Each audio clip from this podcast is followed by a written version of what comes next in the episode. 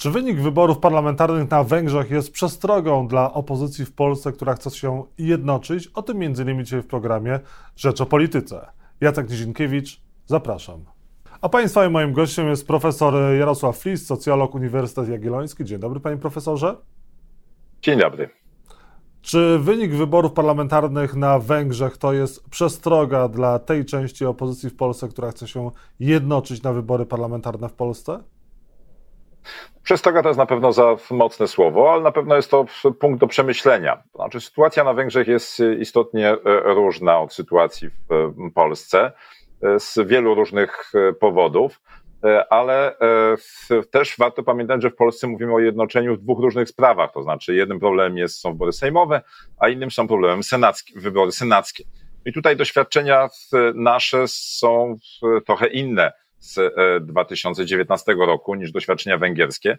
A patrząc teraz na te doświadczenia węgierskie, to warto się zastanowić, co się różni. No to jest jakby kluczowa, e, kluczowy czynnik. Po pierwsze, e, dużo bardziej różni się system wyborczy, który jest znacznie bardziej przewrotny niż te dwa nasze systemy, i senacki, i sejmowy, dlatego że on z jednej strony nagradza bardzo zwycięzcę, ale nie każe tak małych partii jak żaden z polskich systemów bo polskie systemy no, praktycznie nie mają, znaczy jest tak, że teoretycznie małe partie w Senacie nie mają żadnych szans, chyba że któraś z dużych partii odstąpi im okręg wyborczy. Natomiast w Sejmie jest tak, że te partie, no, jak przekroczą próg wyborczy, to tam coś tam zawsze dostaną, aczkolwiek zawsze im się opłaca połączyć dwóm małym partiom.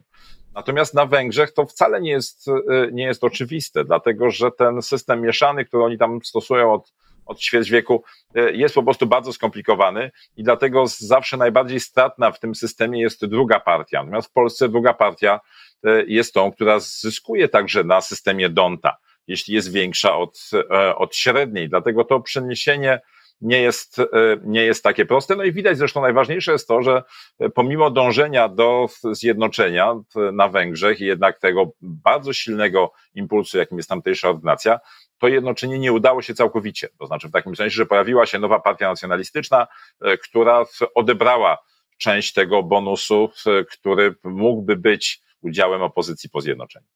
No to czy w takim razie opozycja w Polsce powinna się jednoczyć przed wyborami parlamentarnymi? Opłacałoby się Platformie zjednoczyć z, z Szymonem Hołownią, z Polską 2050, z PSL-em, może nawet z Lewicą? Opłacałoby się pójść, zwalczyć przeciwko PiSowi na takiej jednej liście?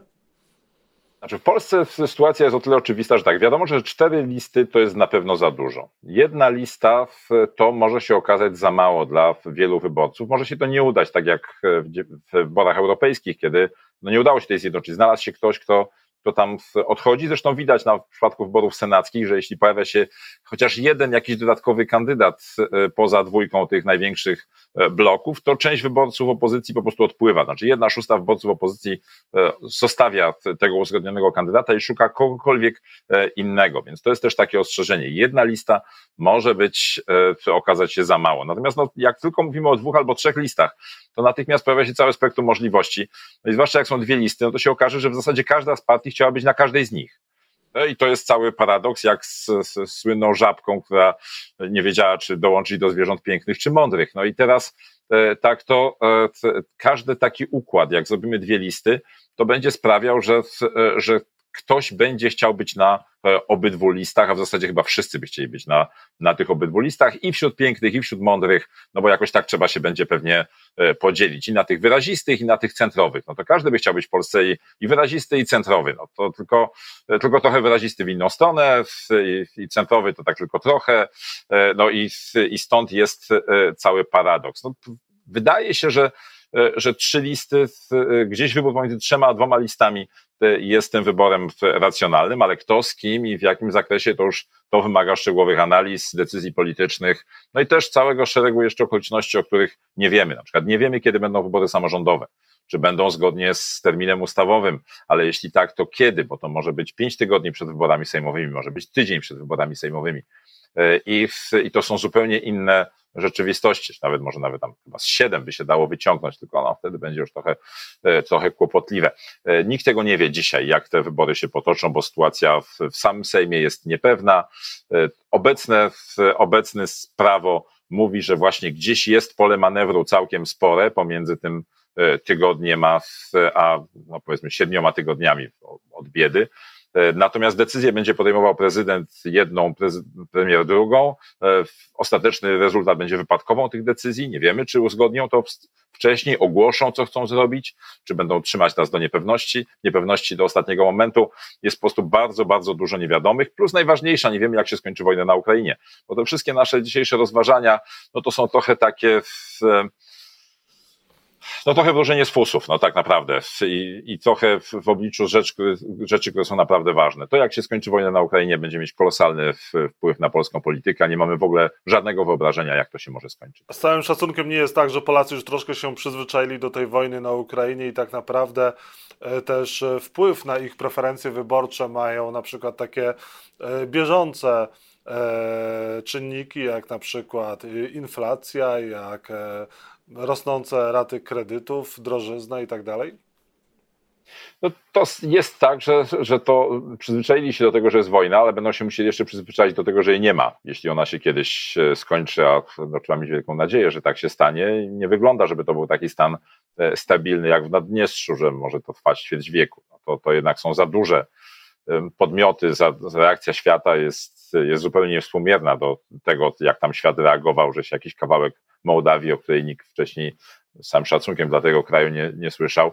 E, ta, a tutaj jednak to jest rzecz, która już od miesiąca nie schodzi z pierwszych stron gazet, z pierwszych e, stron portali informacyjnych e, i w, wszędzie są specjalne serwisy. Wydaje mi się, że, że jeszcze nas czeka tutaj wiele zaskoczeń w tej sprawie i wtedy będzie to taki kolejny reset. Może się okazać, że tak jak w przypadku wielu wcześniejszych wydarzeń, jak w przypadku pandemii, paru różnych elementów, to nie będzie żadna rewolucja, która E, która się zdarzy w polskiej polityce. Tego bym się nie spodziewał, ale jednak przesunięcie paru parametrów e, w, e, w tej naszej rywalizacji politycznej może zmieniać jakąś, jakąś kalkulację co po stronie opozycji, ale też i po stronie rządzących. Wspomniał Pan o tym, że opozycji najbardziej by się opłacało pójść e, trzema listami do wyborów, tak? Parlamentarnych. To znaczy, to jest to jedna z opcji. Nie mówię, że to się najbardziej opłacało, ale jak spojrzymy na przykład na, na wybory w 2007 roku, no to, to jednak tam jest tak, że został odsunięty od władzy, Prawo i Sprawiedliwość zostało odsunięte od władzy e, przez trzy listy. Więc to jest nasze doświadczenie z, z przeszłości. E, I wiemy też, że, że w wyborach 2000 19 roku w wyborach do Parlamentu Europejskiego były trzy listy i tak się skończyło na trzech listach, tylko że tak źle skonfigurowanych, że jedna z nich wylądowała pod progiem. E, I, e, i to jest e, jedna z, jedna z opcji. Oczywiście, gdyby się udało znaleźć jakąś formułę, w której wszyscy będą zadowoleni, nikt nie będzie kwękał, nikt nie będzie podważał tego wątpliwości, będzie, będzie tych list mniej, no to, to matematyczny efekt będzie z tego e, oczywisty. To znaczy, oczywisty sposób matematycznie opłaca się w Polsce jednoczyć. Natomiast czy nie gubi się przy okazji części elektoratu?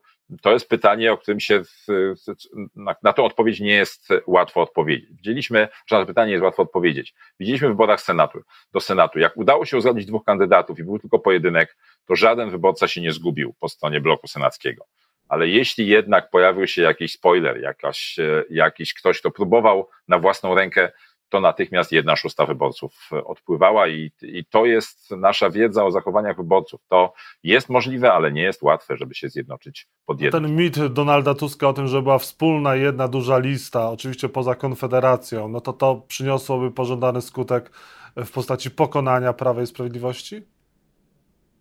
No właśnie poza Konfederacją, no to jest pytanie, e, pytanie, że będzie wtedy ten trzeci. I jaka część wyborców e, z, z, na przykład z prawego skrzydła e, Platformy, mając na listach polityków SLD, jaka część z nich przerzuci swoje poparcie na Konfederację i uratuje tą partię.